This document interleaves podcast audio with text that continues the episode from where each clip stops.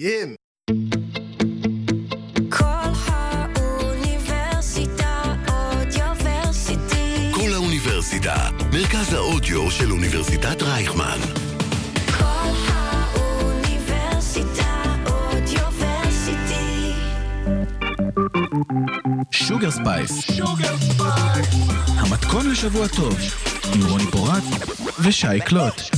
ערב טוב לכל המאזינים והמאזינות, אתם מאזינים ל Sugar Spice בקול האוניברסיטה, 106.2 FM, אני רוני פורט. אני שי קלוט, נגיד welcome למערכת החדשה של הרדיו. כן, מערכת הטכנולוגית אה, וואו. מקסים, וואו. כיף לראות אה, קצת אה, שינוי בעיניים, ככה לקראת שנה חדשה. תשפ"ד. תשפ"ד, תשפ"ד והדלת אה, גלקסי, גרסת גלקסי. כן.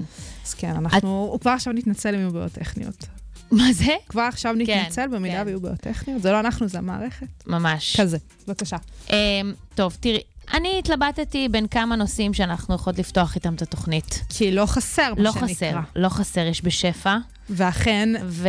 אנחנו עד עכשיו אחד- באמת היינו... אחד הוא. בעצם זה שסופי טרנר וג'ו ג'ונס הודיעו על גירושיהם. ועכשיו אנחנו מתחילים ככה במחאת המחאת, אני אומרת, אה, כל הסיפור של הגרסאות. נכון. אוקיי? מ- מ- מלחמת, מרוץ הגרסאות, מרוץ מלחמת הגרסאות, מלחמת הגרסאות. הטענה של מי שמקורביו הם שהיא מקורביו. בעצם אה, נערה עוללת. היא כן. בת 27, יש להם ילד, שתי בנות, אחת בת שלוש, אחת בת שנה. בשנה האחרונה הן היו יותר בחזקתו, אה, והוא טוען שאורח החיים של סופי פרוע. בבקשה. סופי לא מגיבה, לא אומרת לו שום דבר, לא שום כלום. אני, אגב, הייתי קצת בהלם, כי ראיתי תמונות באינסטגרם שלה, בערך איזה שבוע לפני שהם אה, הודיעו על הגירושין. אוקיי. שקרה לא ברור, אבל אוקיי, אה, כרגע תעלומה, עוד לא ברור מה קורה שם, זה ככה נושא א'. נושא ב' הוא בעצם זה שהשר קרעי, שר התקשורת, טוען שכאן 11, התאגיד השידור הציבורי, מנרמל דעות שמאל קיצוניות, דרך באו לאכול איתי. ובכן. אני לא יודעת מה הוא ראה בעונה האחרונה שגרם לו לחשוב שמנרמלים דעות שמאל, האם זה הומופוביה, אה, האם זה אה, אה, נגד... אה, לא יודעת, אה, חיי אה, מותרות, כמו שהיה בפרקים של הצפון, אני לא יודעת, אולי זה שמאל קיצוני? לא חסר, לא חסר דעות שהן לא בדיוק שמאל, דברים שבאמת מתנגדים ל... להגיד להתנגד זה קשה, אבל דברים שקשורים אה, באמת אה, להעברת ביקורת על מצעד הגאווה, או לדברים שקשורים להעברת ביקורת על פמיניזם. כן, הכל שם לא- לא היה. סופר שמאל, נכון? גם איך קוראים תשמעי. למשורר? בדיוק, זה המשורר הזה, איך קוראים לו? המשורר אה, אמר את זה. נו, אוליבר. כן, אוליבר? אוליבר, אוליבר, נכון. משורר, שכולנו חשבנו שמדובר באיזה נפש רכה והייתה מאוד קשה ככה לקראת הסוף. ובכן, ובכן, ובכן. גם זה. כן.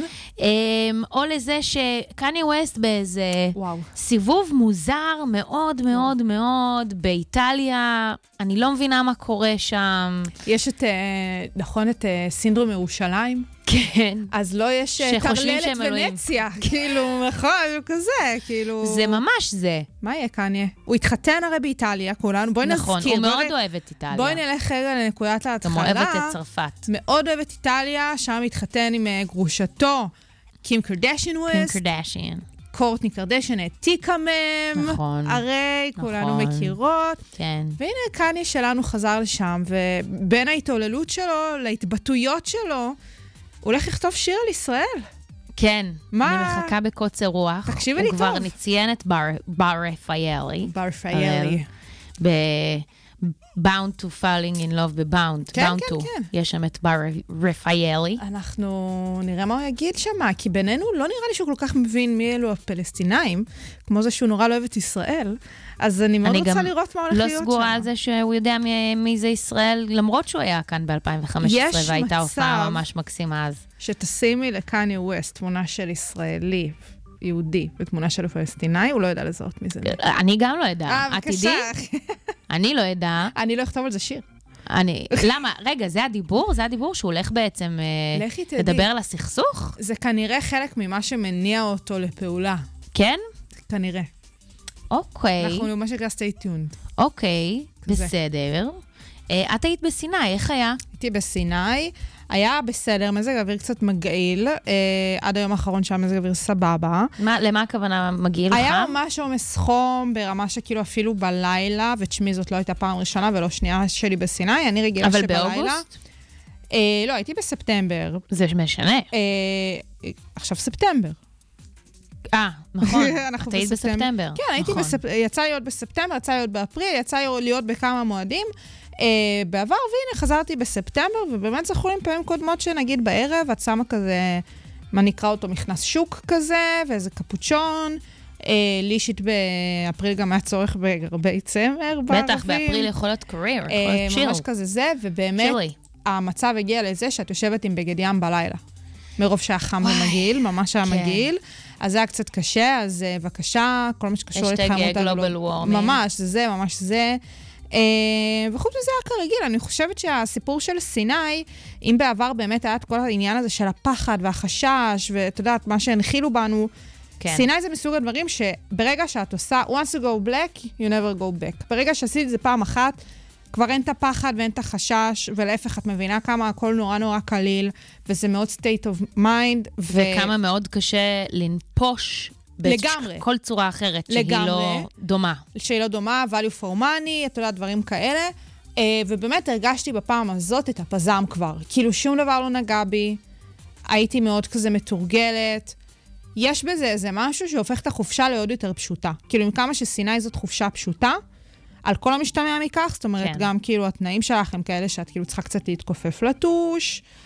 והשירותים לא בדיוק נקיים, והאוכל לא בדיוק אוכל, והכל סבבה, אבל ברגע שאת יודעת את זה ואת מתארגנת מראש כאילו על הצ'וקולוגים שלך והנשנושים שלך, ולא יודעת אלו שבאים גם אפילו עם פחיות טונה, או אני לא יודעת מה כל אחד ומה שממלא אותו.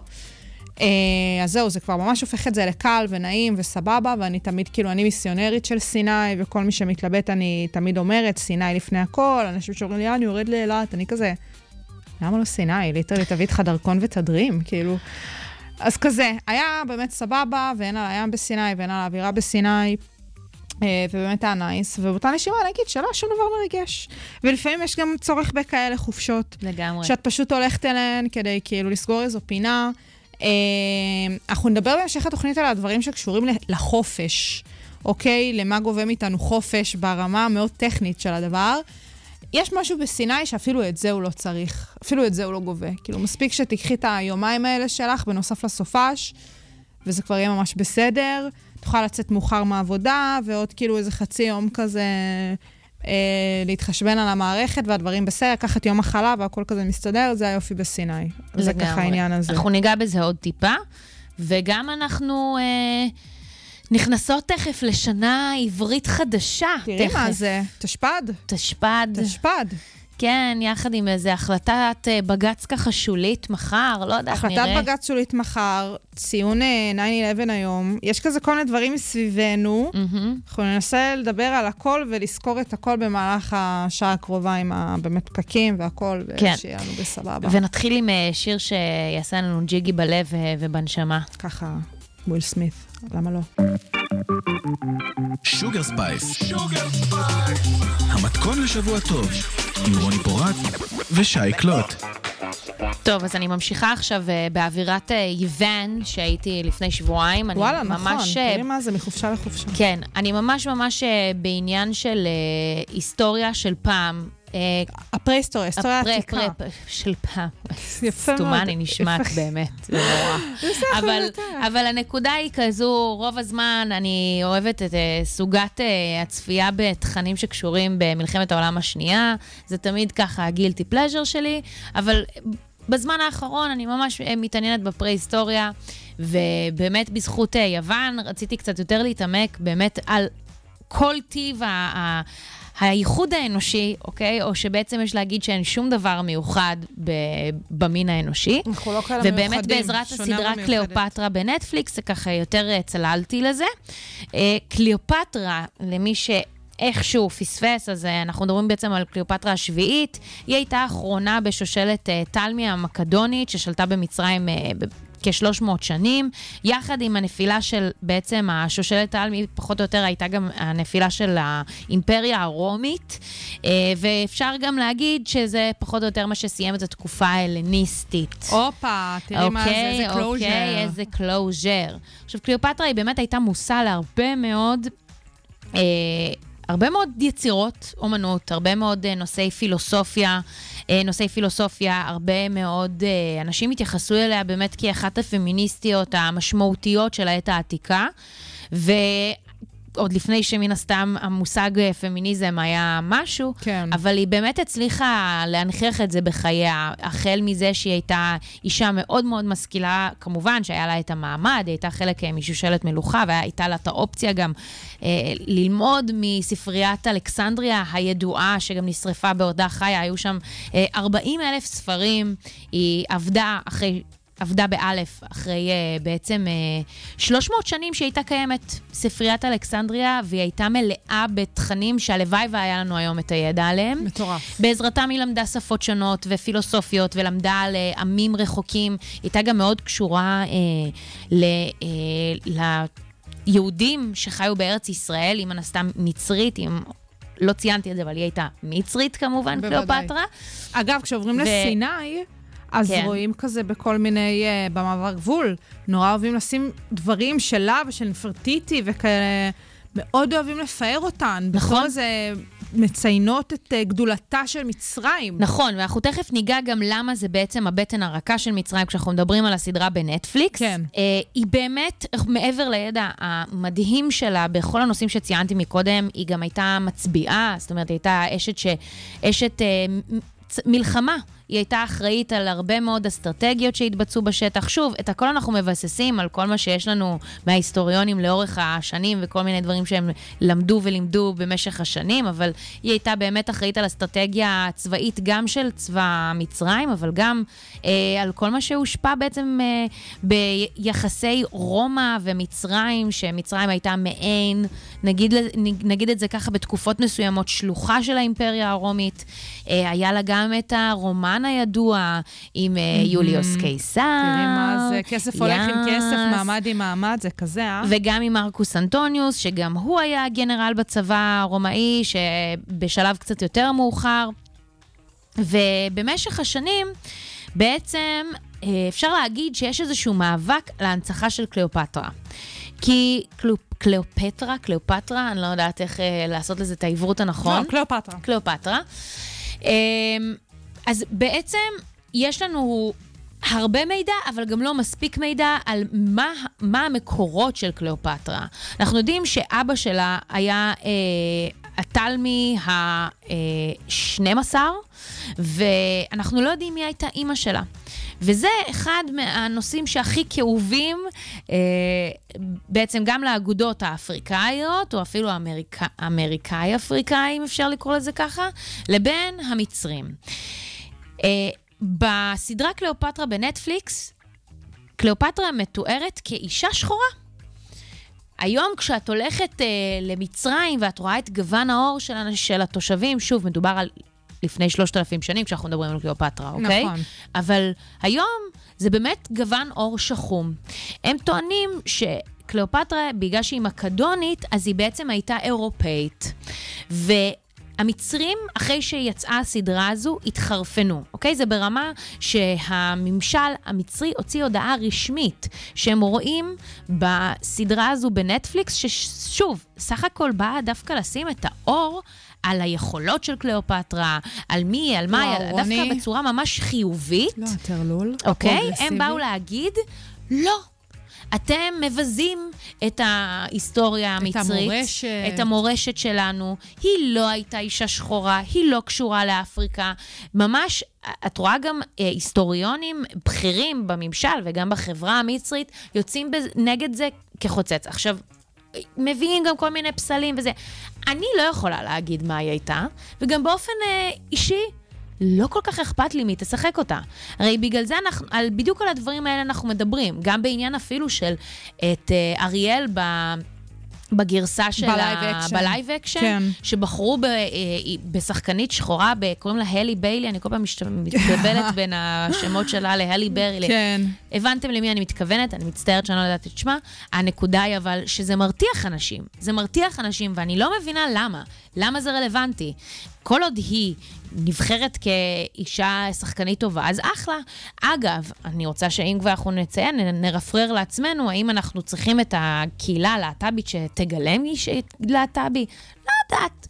אה, יש מקרים שכן, יש מקרים שכן. זה גם מן הסתם יהיה בעייתי אם אנחנו נעשה סרט עכשיו על עבדות ואנחנו נבחר עבד שהוא בעל גוון לבן, נכון? גוון עור לבן. זה גם לגמרי, בעייתי. ואני- אבל ספציפית, כשמדובר על דמות שמלפני שלושת אלפים שנים, שגם באמת אין לנו תיעוד שלה. זאת אומרת, אני חושבת שפה זה קם ונופל. במובן מסוים, העניין בשנים האלה זה לראות שהסיפור הזה של המוצאים הוא בכלל אה, מגוחך לחלוטין, כן? כי הרי העניין האתני, יש מצב לא באמת היה בכלל אישיו. אה, ומ, ומנגד, אנחנו יודעים להגיד על מצרים גם של היום, אנואר סאדאת, שבאמת, את יודעת, אחד המצביעים הגדולים, ואם אנחנו מדברות עכשיו בסמוך, אה, אנחנו מציינים 50 שנים למלחמת יום כיפור, כן? כן. אנואר סאדאת, אה, אחת הדמויות היותר אה, קריטיות לציון המלחמה הארורה הזאתי. אז אנואר סאדאת עצמו היה נשיא מדינה מצרית שחור, שבאמת מקורותיו, אם אני לא, לא זוכרת אם זה אה, מצד אמו או מצד אביו, אבל אחד מהצדדים שלו היה דרום סודני בכלל. שזה מה שגרם לו בסופו של דבר להיות אה, כה כהאור. מצרי, כן? זאת אומרת, אה, נשיא המדינה שהביא אותה לגדולתה במלחמת יום כיפור והכול. אז עכשיו, ההתנגדות אה, הזו היא ממש. גזענית אה, פרופר. זה מטורף. וגם איזה התעסקות, אפשר אלוהים. להגיד שהיא גם מאוד אנטי-מערבית מן הסתם. אה, מי ש... וזה מה שרציתי להגיד לכם, ג'יידה פינקט סמית, אשתו של השחקן וויל סמית, הופה. היא בעצם אחת אה, ממפיקות הסדרה.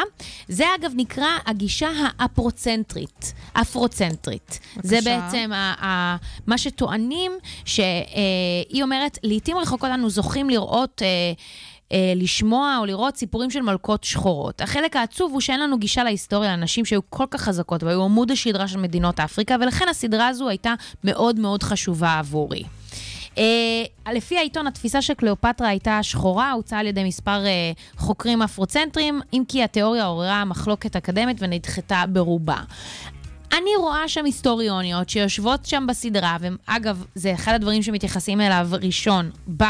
אה, תוכ... בתוכנית, באמת שהיא הייתה בעלת אה, שורשים אפריקאים. אוקיי, סבבה, מגניב. בואו שנייה ניגע בעיקר, בואו שנייה נתעסק בלא מה הגוון, אני מבינה את החשיבות של ייצוג, אנחנו מדברות על, על זה המון, אבל עכשיו פה ב Sugar Spice, כשהצגנו את, את התמונה המלאה של המחלוקת, בואו שנייה נתעסק בדבר הזה. מקומם של נשים לאורך ההיסטוריה, זה משהו העיקר. אה, קליאופטרה במשך השנים, בין השאר כדי להעצים את היכולת הגדולת אה, כן. רומא בעניין הזה, היא הוצגה בתור פתיינית. ובתור מי שהביאה, את יודעת, היא הגיעה, היא התגנבה לתוך הארמון והגיעה ליוליוס קיסר כדי בעצם to regain את הפאוור שלה על בית המלוכה שלה, שהיא קיבלה, אגב, מאבא שלה. בשושלת ב- ודומה, rightfully so, בצבא ממש, שהוא כתב. ממש. אז הם טוענים שהיא נכנסה אל תוך הארמון בצורה פתיינית, וככה היא פיתתה את יוליוס קיסר. עכשיו, נשמות, קודם כל, גם אם היא פיתתה אותו. בסופו של דבר, היא, יל, היא ילדה את, בנו, את uh, בנם המשותף סזריאן, וגם לדעתי עוד איזה אחד-שניים, והיא גם בסופו של דבר גרמה לזה שהיא עלתה אל, ה, uh, אל כס המלוכה all over. Uh, שושלת משפחת uh, בית התלמי, אה, הייתה ידועה בזה שהאחים היו כל הזמן רבים על הכס ורוצחים אחד את השני. קצת משחקי הכס vibe. זה באמת היה ממש משהו שמאוד ידוע כשאנחנו מדברים על השושלת הזו. והיא, בסופו של דבר, זו שניצחה. אה, עכשיו, היא גם לא הייתה אה, מי שניסתה יותר מדי אה, להשכין שלום, אוקיי? בסופו של דבר היא גם אה, דאגה שאחותה. Uh, תירצח. תירצח, בין השאר גם כי היא ניסתה to claim her way to the throne. Um, אבל אין ספק שמדובר באישה מאוד מאוד חזקה, שיצרה שינויים מטורפים, וגם בסופו של דבר לקחה אחריות על החיים שלה, לא רצתה להיות מי שבסופו של דבר בערוב ימיה, שוב, 20 שנים קדימה, בגיל 40 בערך, אחרי שהיא כבר היה את כל ה-ups and downs, יוליוס קיסר נרצח, היא הייתה כבר עם אנטוניוס. היא ואנטוניוס בעצם הפסידו בניסיון שלהם להפוך את אה, רומא להיות איזושהי אימפריה גדולה יותר ביחד עם מצרים, והיא החליטה בעצם לקחת את חייה. בעצם שולטת על המוות שלה גם, על הנרטיב. מתאבדת, כן. מתאבדת. אה, ואני כן רוצה להגיד שצפייה בסדרה הזו הייתה ממש מגניבה. אהבת את זה. כמה מאוד. פרקים אמרנו? איזה ארבעה פרקים. אוקיי. מאוד מעניין, זה גם מאוד יפה, וזה קול מאוד לראות גם את הצבעים, ואת איך שאנשים היו מתלבשים, וכל הדבר הזה, זה נורא חמוד, אבל אני מדברת גם על האסנס עצמו. ואז זה גרם לי לח- לחשוב, את יודעת, מקומם של נשים לאורך ההיסטוריה עלה, קרנן עלה, קרנן ירדה, ו, וגם כמו היכולות הטכנולוגיות והידע ש, שהיו עם השנים, ואת יודעת, כל פעם שאנחנו מדברים על העת העתיקה, איך- הם יכלו ליצור ערים כאלה, איך היה כן. להם את הידע לעשות את הדברים האלה. אז אותו הדבר אני מרגישה ככה יותר עם, עם המקום של האישה בקרב החברה האזרחית. נכון, היא הייתה אישה מלכה, היה לה את הדם הכחול שאפשר לה בעצם אה, להיות משכילה וזה, והיום אנחנו נמצאות באמת בעת שהיא ככה יותר משחררת, אבל גם יש את הכוחות האלה, שבדיוק כמו שמנס, שניסו אז להציג את קליאופטרה כפתנית, גם היום יש את מי שיגיד לנו, את לא צנועה מדי, את מפתה גברים, את כל הדברים האלה, מנמיכים ומשטיחים את כל היכולות שלנו כבני אדם לכל דבר. אז מה אם אנחנו לא גבר מצביא וכל הדבר הזה, כאילו? באמת יש פה המון המון מה ללמוד. ובקיצור, אה, אהבתי מאוד. וגם אני חושבת שהיופי בדמות של אה, קליאופטרה, זה שבסופו של דבר כן מדובר על דמות מורכבת. לגמרי. זה לא שחור ולבן, זה לא לא. שכאילו בגלל שהיא אישה אז היא מדהימה, לא כמו לא, שתיארת. לא, היא הייתה לא פשוטה. היא הייתה לא פשוטה, אה, וכנראה שבאמת בסופו של דבר היו לה את היכולות ואת ה... את יודעת, מעלות שלה ביחס אה, לגברים אפילו, בעת ההיא. בטח, אומר- את יודעת, כולם אומרים שזה היה הג, הגברים המצביעים שלצידה שגרמו להתפתחויות האסטרטגיות וה, והיכולות הצבאיות כן. האלה, אבל זה כנראה ממש היא. זה ממש היא. טוב, מה נגיד ומה נאמר קליאופטרה, גבירותיי ורבותיי? אה, מה את אומרת? אה, נשים אה, Doja Cat? כן, בטח. ביס? Bitch? Boss? Boss Bitch? כן. שזה סוג של קליאופטרה? כן. יכול להיות. קול האוניברסיטה, מרכז האודיו של אוניברסיטת רייכמן. Sugar Spice. המתכון לשבוע טוב, עם רוני פורט ושי קלוט. כן, אז אני הייתי בסיני, את היית ביוון, כן. ובהחלט אנחנו מדברות פה גם אה, על אה, פתיחת אה, שנת הלימודים שהייתה בשבוע שעבר, תשפ"ד, שבאה עלינו לטובה, לא שזה כאילו מעניין אותנו בתור לא הורות, אבל כן שמנו אבל זה לב... כן מעניין בהקשר של... של ימי החופש של ימי שלנו, החופש, של כולנו החופשות שמנו עצמן. לב, כולנו שמנו לב כבר לפני כמה חודשים, שהשנה החגים יצאו שלא נדע, מבאס ב understatement. ממש, רחמנא ליצלן, ימי זה החגים אה, באמת של קרה בחגי תשרי. לפני איזה 7-8 שנים, כן, זה, הרי. זה, זה חוזר על עצמו. כן. העניין הזה של לוח השנה העברי, למי שלא זוכר וזוכרת, אה, במדינת ישראל מציינים חגים ומועדים על פי לוח השנה העברי, ואיכשהו יצא שלוח השנה העברי השנה יצא ככה שערבי החג אה, אה, התנקזו לסופ"שים.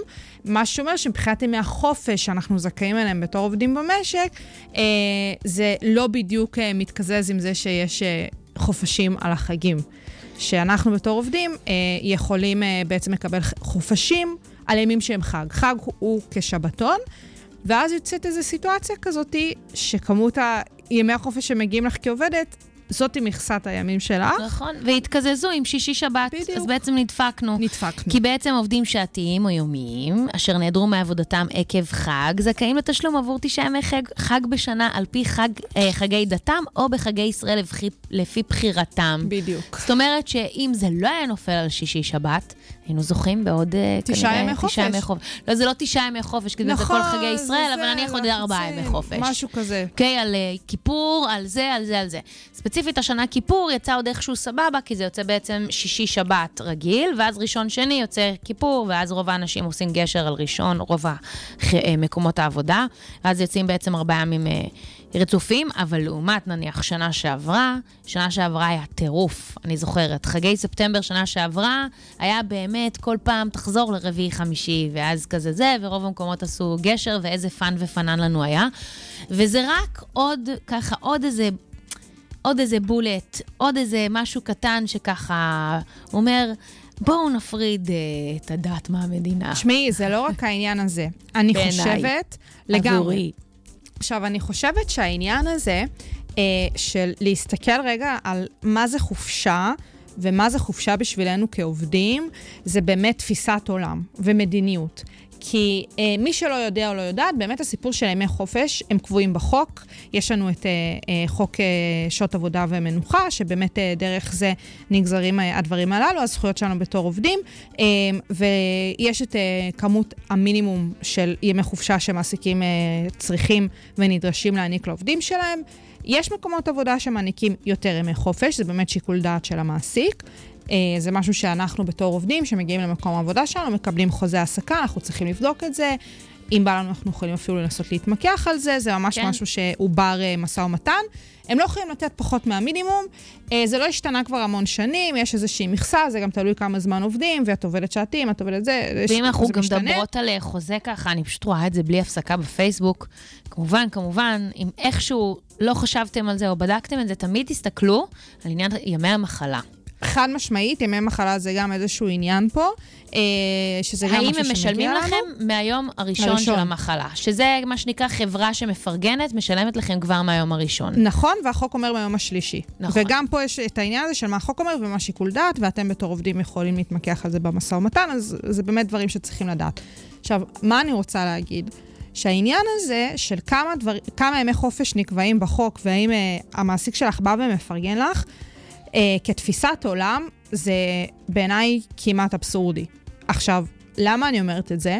וגילוי נאות, אני פרילנס. זאת אומרת, אני כאילו אדון לעצמי, יכולה להחליט בעצמי מתי אני לוקחת לעצמי את החופש, איך אני מנהלת את הזמן שלי וכדומה וכדומה. זאת אומרת שאני לא כל כך מתעסקת בדברים האלה, בטח לא אה, עכשיו.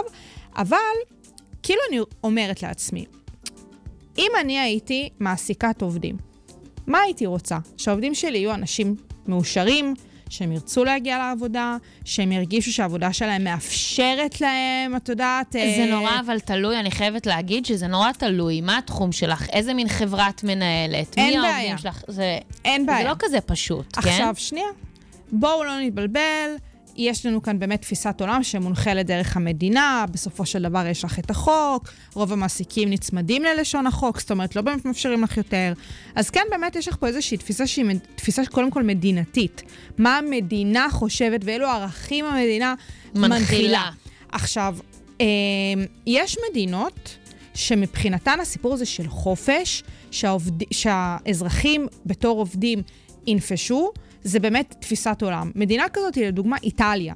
באיטליה, יחסית למדינות ה-OECD, זאת מדינה שיש לה המון ימי חופש, אה, כי יש שם באמת איזושהי תפיסת עולם שוואלה, אם העובדים שלנו, אם האזרחים שלנו, שהם יהיו עובדים, שהם יהיו פרודקטיביים, יצאו לחופש ומה שנקרא, יטענו מצברים וזה יגרום להם להיות עובדים יותר טובים, אז כלל המשק ירוויח מזה. זה נכון, לא איזה תגידי אבל שהכלכלה של וזה. אה, איטליה היא בדיוק אה, מהמוצלחות. לא, אין בעיה. ואז את מסתכלת גם על מדד העושר אה, ודברים כאלה, והם כן מקום גבוה איטלקים באופן יחסי למדינות ה-OECD. זה כן משהו שבאמת אה, מבטא את זה. אה, עכשיו עזבי, את גם מסתכלת על כל מיני מדדים של מידת האפקטיביות של אה, עובדים ביחס באמת אה, לשעות העבודה שלהם, מה שנקרא פריון, דברים כאלה, ומה שקורה בישראל ספציפית. אה, ובאמת, הדיון איכשהו תמיד, תמיד, תמיד מסתובב גם סביב העניין של החופשות של הילדים. בבתי הספר. כן. עכשיו, הדבר הזה הוא די מדהים, כי אם אנחנו באמת מסתכלות על זה, שאגב, גם תמיד מי שנופלות לתוך הקלחת זה המורות וצוותי ההוראה והחינוך, שגם הן כאילו זכאיות לכמות החופשה הזאת. עכשיו, נכון, למי שיודע או עובדות לא גם יודע, בשישי. המורות האלה, אותן נשים, לא זכאיות לימי חופש. זאת אומרת, החופש שלהן זה נטו החופש שמקבלים אה, מטעם המערכת, והן לא יכולות לקחת ימי חופש כשבא להן. כאילו, ממש זה לא, ממש זה- נתון לשיקול דעת כן. המנהלות וכאלה. זה מגיע לרמת הפיקוח ובאמת הדברים המחוזיים, זה בלאגן לא נורמלי. את יודעת מה הפער בימי החופש של המשק והבתי ספר? מה? הפער עומד על 66 ימים. זאת אומרת ש... כשיש לך 66 את- ימים יותר לאנשי לבתי הוראה. הספר, כן. וואו. זאת אומרת, כשאם את נגיד, יש לך... ולתלמידים. ותלמידים. לך יש ילדים, ואת רוצה לקחת חופש, כי וואלה, בא לך להיות איתם, או כי אין לך כל כך הרבה כסף לשלם על קייטנות, את יודעת, כל מיני דברים. אין לך סבא וסבתא שיכולים לשמוח על ילדים, אין לך אה, אחיינים או דודים שיכולים לשמוח על אחיינים ודברים כאלה. יש לך פער של 66 ימי חופש, שאת לא יכולה לקחת בכלל. את לא יכולה, גם אם היית רוצה לנצל את זה בשביל להיות עם הילדים שלך.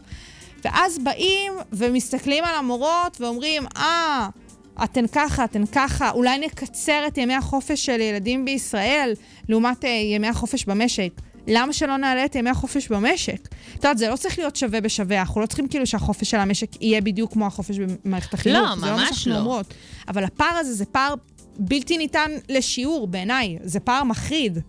פשוט פער מחריד. אני לא חושבת שהורים צריכים לחשוב מה לעשות עם הילדים שלהם ברמה באמת המאוד מאוד טכנית ופשטנית. נכון, אני מאוד מאוד אה, מסכימה על זה. אה, אני חושבת שגם הצביעות שבביקורת אל מול אה, מורות בעניין הזה, הוא נטו צריך לבוא כלפי הממשלות, אה, הממשלה הנוכחית וממשלות העבר. נכון. הם היו צריכים להסדיר את הנושא הזה שנה אחת קודם, מה שנקרא.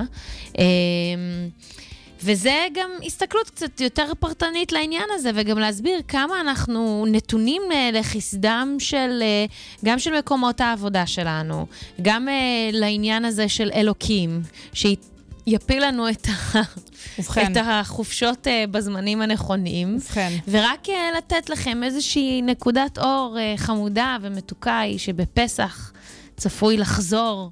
אה, כן? העניין הזה שקצת יותר נורמלי בקרב אה? ימי החג. אני אגיד לך בדיוק, ערב חג פסח 2024, הוא יוצא ב...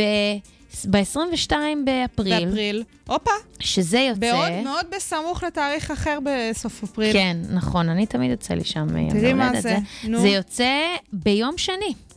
וואלה, יש יותר פנן מזה, חברים? את באה יום אתם- ראשון, בדיוק. ובשני שני זה ערב חג או כן, החג? שני זה הערב חג. זאת אומרת, שני ערב חג, ואז השלישי זה החג עצמו. כן, ואז כאילו, בואנה, כן. ממש מה שאת. שמעת, מה שאת שמעת, ואז כמובן ששבוע אחרי זה פסח ב', ואז יש לך גם מימונה, כן, ואז בכלל long weekend. בדיוק. מה זה, זה כמעט, אה, וואי, זה ממש fun. fun פנן, ושוב, מאוד חברים, מאוד אל. תשכחו, תסתכלו למי אתם. מצביעים ומה ה- ומה האג'נדה? מה האג'נדה.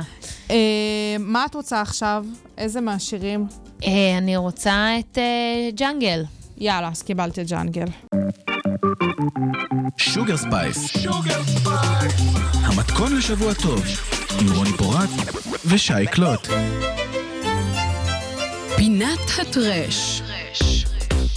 אז אה, כמובן שאנחנו רוצות לדבר על האלבום החדש של אה, אוליביה רודריגו. בטח, למה לא ניתן? שאנחנו התחלנו פה בדיוק כמעריצות מספר אחת שלה, אבל זה לא אומר שעברנו דרך ארוכה שלה עם ה... שלקחנו driver license, אה? הבנת? אוקיי, אה, בדיחה לא טובה. בכל מקרה, אוליביה באמת אה, דומה לכל הכוכבות האחרונות בסביבה. היא התחילה בדיסני. Disney girl. ממש Disney girl קלאסית. האמת שאם אנחנו מדברות, שבוע שעבר דיברנו על אריאנה גרנדה, כן, במובן מסוים היא עברה דרך כאילו דומה לה.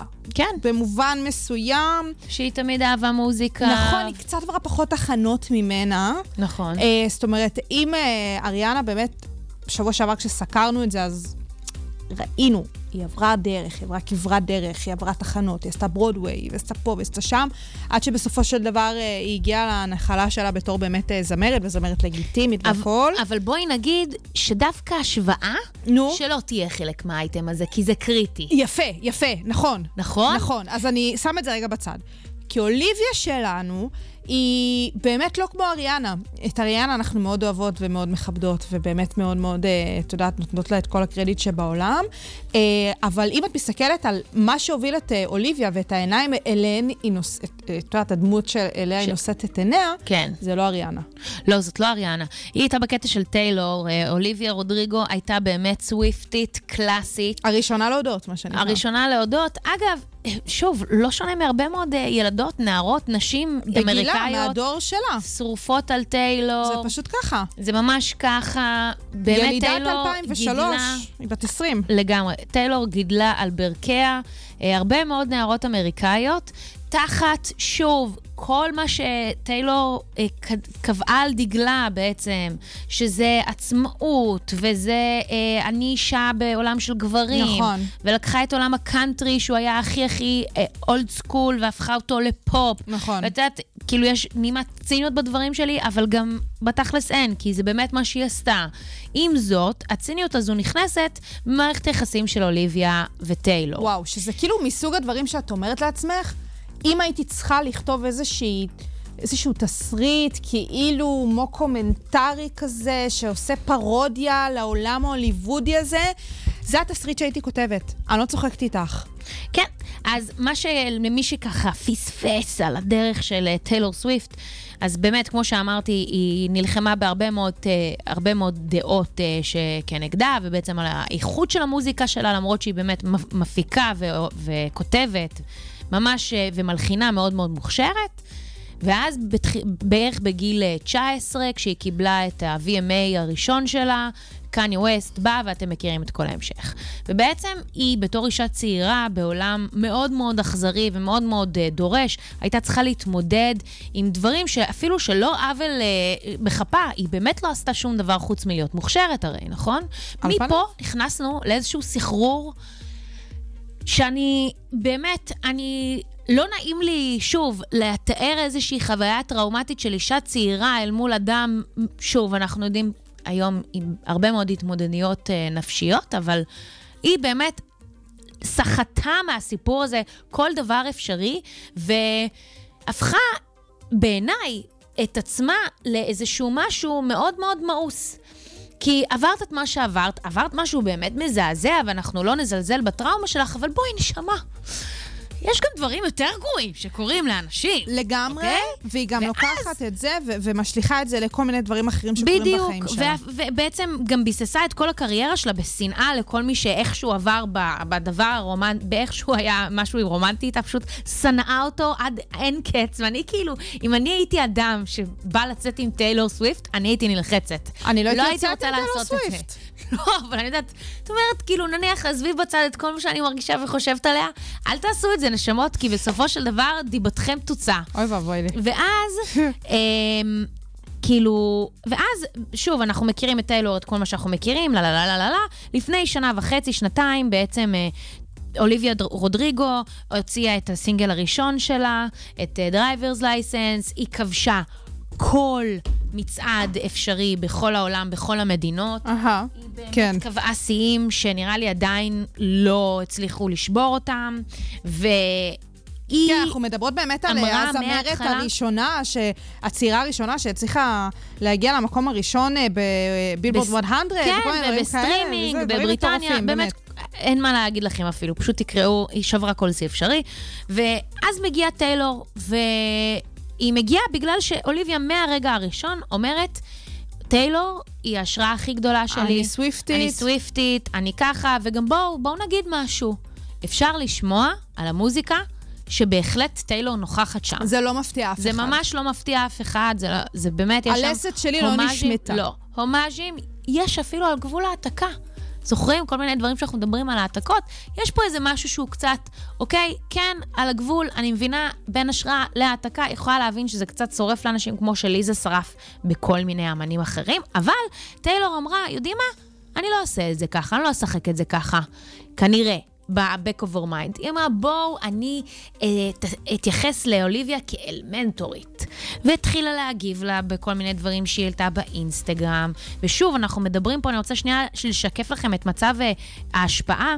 יש לנו פה מישהי שהיא בת 17, אוקיי? שיש לה קצת ניסיון בהוליווד, אבל הוליווד של קטנטנים, הוליווד נכון. של דיסני. נכון. לעומת מישהי שהיא כבר בת 30, שגם היא שברה כל שיא שקיים. נכון, והיא מכתיבה המון, הרבה פעמים את- הטון. המון, המון, המון, המון כסף, אוקיי? בעלת השפעה מטורפת בעולם המוזיקה. מזכיר לכם מישהו פה בתוך המשחק הזה? איי, איי, איי, איי, איי. אז היא מתחילה כזה להתייחס אליה בתור הפרוטג'ה שלה, ולהגיב לה, ולהגיד לה my baby, וכל מיני דברים כאלה. והן אפילו עובדות ביחד על איזשהו שיר. אחד הסינגלים, one step forward, Three steps back. שמדבר על אותם נושאים שטיילור, את יודעת, לקחה להם באמת אה, בעלות. נכון. ואז אמ, יש פתאום איזושהי קונטרוורסיה, אוקיי? יוצא סינגל נוסף, נקרא דז'ה וו, של אה, אוליביה, גם שבר את כל השיאים שיש, והמעריצים של טיילור סוויפט מתחרפנים ואומרים שהוא פשוט דומה מדי. פשוט דומה מדי לאחד השירים של טיילור. יואו, אלוהים ישמור. ומה שקורה מאותו הרגע, זה שכנראה, מה שקרה, זה שטיילור אה, ככה באה לאוליביה, או הנציגים של טיילור. אתם זוכרים גם את כל המאבק הזה שטיילור, לקחו ממנה את המוזיקה שלה וכל הדבר הזה. בקיצור, מה קרה, חברים? היא תבעה את אוליביה, או לא יודעת, איימה עליה בתביעה. זהו, זה לא הגיע לתביעה, זה לא הגיע זה הגיע לתביעה, באמת... זה הגיע אה, פשרה, בסדר. לפשרה, שבסופו של דבר אה, אוליביה רודריגו צריכה להעביר מיליוני דולרים לטיילור סוויפט. כפשרה על זה שדז'ה וו הוא מאוד מאוד דומה לאיזושהי יצירה של טיילור. לקרול סאמר. קרול סאמר. תקשיבי, את האזנת לזה? לצורך התחקיר, כן. אני עשיתי השוואה בין אה, שני השירים הללו. מטעמי, אני שמעתי טיילור סוויפט. אה, תשמעי, גם אוליביה רודריגו אני לא בדיוק שומעת אה, ככה מיוזמתי והכל. כל קשר בין השירים האלה, רוני, באמת מבחינת כאילו דומה, לא דומה, לא קיים. לא קיים. אין לי מושג מה היא רוצה ממנה. ואם את שואלת אותי, העתקה אמיתית במחוזות השירים הללו צריכה להיות uh, תביעה של uh, אוליביה רודריגו, את נועה קירל, שהשתמשה באותו השם לשיר אחר לגמרי, שגם היה אמור לייצג אותנו אולי באירוויזיון, אז השיר הזה גם היה יכול להגיע למעמד בינלאומי על הדרך. דז'ה וו, כן? אה, שזה פיפי. לא, השירים האלה לא דומים בכלל. הם בקושי דומים מבחינת כאילו הנושאים שהם מדברים עליהם, שאת יודעת, כאילו בואי, כבר טענו לאורך אה, כמה דקות טובות, שהן בסופו של דבר מדברות די על אותם הנושאים. שברון לב, ואיך כאילו בסופו של דבר אני מתגברת על זה, וכמה אני אישה חזקה זהו, וצעירה גם תהליך הכתיבה שלהן וכאילו- מאוד מאוד דומה. בסדר, אני אוקיי. מבינה, הכל סבבה, הכל צ'יל. זה נושאים לגיטימיים. אבל בואו, כל באמת. ראפר שיש, מה, קניה עכשיו יתחיל לתבוע את רייק? כאילו, בואו, נכון. קניה הפך את הסימפולים להיפ-הופ המודרני מחדש. זאת אומרת, סימפולים התחילו בהיפ-הופ עוד בערוב ימיו, בערוב ימיו, בתחילת דרכו, כן, בשנות בתחילת דרכו, ה-70. כן. אבל אה, כאילו, אז מה? אז כל, כל ראפר עכשיו שמעתיק את הסימפולים ב vibe של קניה, הוא תובע אותו? אני כאילו אומרת לעצמי, או שהבעיה פה היא באמת שהן פשוט נשמעות אותו דבר, והגנריות הזאת של אותן נשים צעירות פגועות מהאקס ומתהליך הזוגיות שעבר עליהן, די, זה מתיש, וזה כאילו באמת נושאים שחוקים וגנריים שכאילו זה מה שגרם למעריצים ולמאזינים השונים לשמוע כאן איזשהו, איזושהי זהות בין החומרים שעוד פעם בעיניי לא באמת קיימת, או שבאמת טיילור סוויפט ואנשיה מתעסקים בפיפי וקקי, כמו שאנחנו באמת רואות כבר לאורך כמה שנים כאיזשהו חוט מקשר בהתנהלות שלה, שתופסת את הראש. על אחת כמה וכמה, כפי שכבר ציינת, את העובדה הזאת שטיילור כל כך מתעקשת להילחם על הזכויות שלה וה...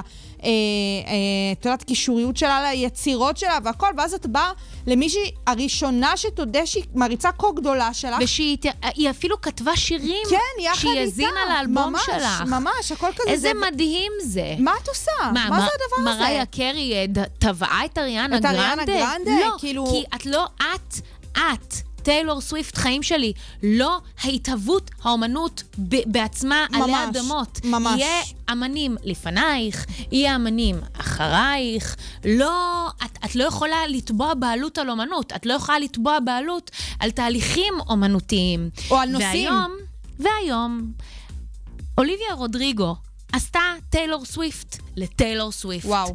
והוציאה שירים, והיא מלכלכת חיים שלי, מלכלכת כמו שצריך, על מישהי, ככל הנראה טיילור, היא לא מודה בזה, בראיונות בעצם שאלו אותה, אמרו לה, תגידי, מה... תשמעי, מה- מה- מהאלבום החדש שלך, אגב, אלבום הוא ממש סבבה. ממש מגניב. אני חושבת מגניב אפילו... אותי שנשים צעירות מאזינות לא היום רואות אה, את הרוק הנשי הזה, בדיוק, זה בדיוק רוק, את יש שם הדבר הזה. הפאנק הזה והכל.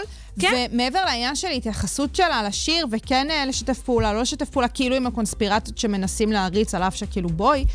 אה, בואי, בל לא נשכח את מה שקורה תוך כדי אה, אה, פטפוטנו כאן אה, באולפן בהרצליה, הטור הבלתי נגמר אה, של טיילור סוויפט, שבאמת אה, כולם עושים עלייה לרגל, ומי טרם אה, נכחה באצטדיונים? אוליביה רודריגו. היא לא הלכה להופעות שלה. עכשיו, אם זה לא רמזור אדום, את יודעת, תמרור אזהרה, מהבהב והכול, שמעיד על היחס שלה לטיילור, מה עוד את אמורה לקבל ממנה בשביל להבין שכאילו, יש כאן ביף? יש כאן ביף. לא, זה, זה ברור, כי, כי היא קיבלה גם uh, קרדיטים על שירים שבהתחלה היא לא קיבלה עליהם קרדיטים, ואז פתאום כל העניין הזה של המחיר, ובאמת אם אנחנו uh, ניגע באמת במילים עצמן, שנייה, כדי... ככה לסבר לכם את האוזן, אנחנו מדברים על הליריקס של ומפייר, שזה באמת אחד השירים שהכי התפוצצו בטיקטוק, שזה גם כאילו נכון. שורף בעין לטיילור זה עכשיו. הסינגל הראשון שלה מהאלבום האחרון אה, והכל. you built me up to watch me fall, you have everything and you still want more. I try to be tough, I try to be mean, but even after all this, you're still everything to me. שזה נורא נורא... נורא עצוב, שאוליביה למרות הכל עדיין מסתכלת בת, בטיילור כנראה. אה, שוב, שיעור הספרות הקצר שלנו פה בשוגר ספייס. ממש ניתוח אה, הליריקה. אה, כן, בתור איזשהו אה, באמת אדם שעדיין להמשיך לשאוף אליו. ואני רוצה להגיד לך, אני פונה אלייך עכשיו, אוליביה. מאמי, אוליביה, בבקשה. את לא צריכה את טיילור, אנחנו לא צריכים את טיילור, תמשיכי בדרכך, אחלה של אלבום, ממש אהבתי. אה, וזהו, ופטוץ', ותשרפי לה. עכשיו, אה, מעבר להצהרה הזאת שלך, כן. אני חושבת שזה ממש הזמן והמקום להגיד, שאם אה, באמת שבוע שעבר דיברנו על, אה, אה, נו, סלינה, אה, בהקשר של טיילור, ולעשות כאן איזו הקבלה ב- ביחס לשתיהן, את יודעת, כאילו, כאיזה חבו ואיזה דרך שהן אה, מנחילות, ובין אוליביה, שהיא הדור הבא, כן? היא הדור הבא של הדבר הזה, כן.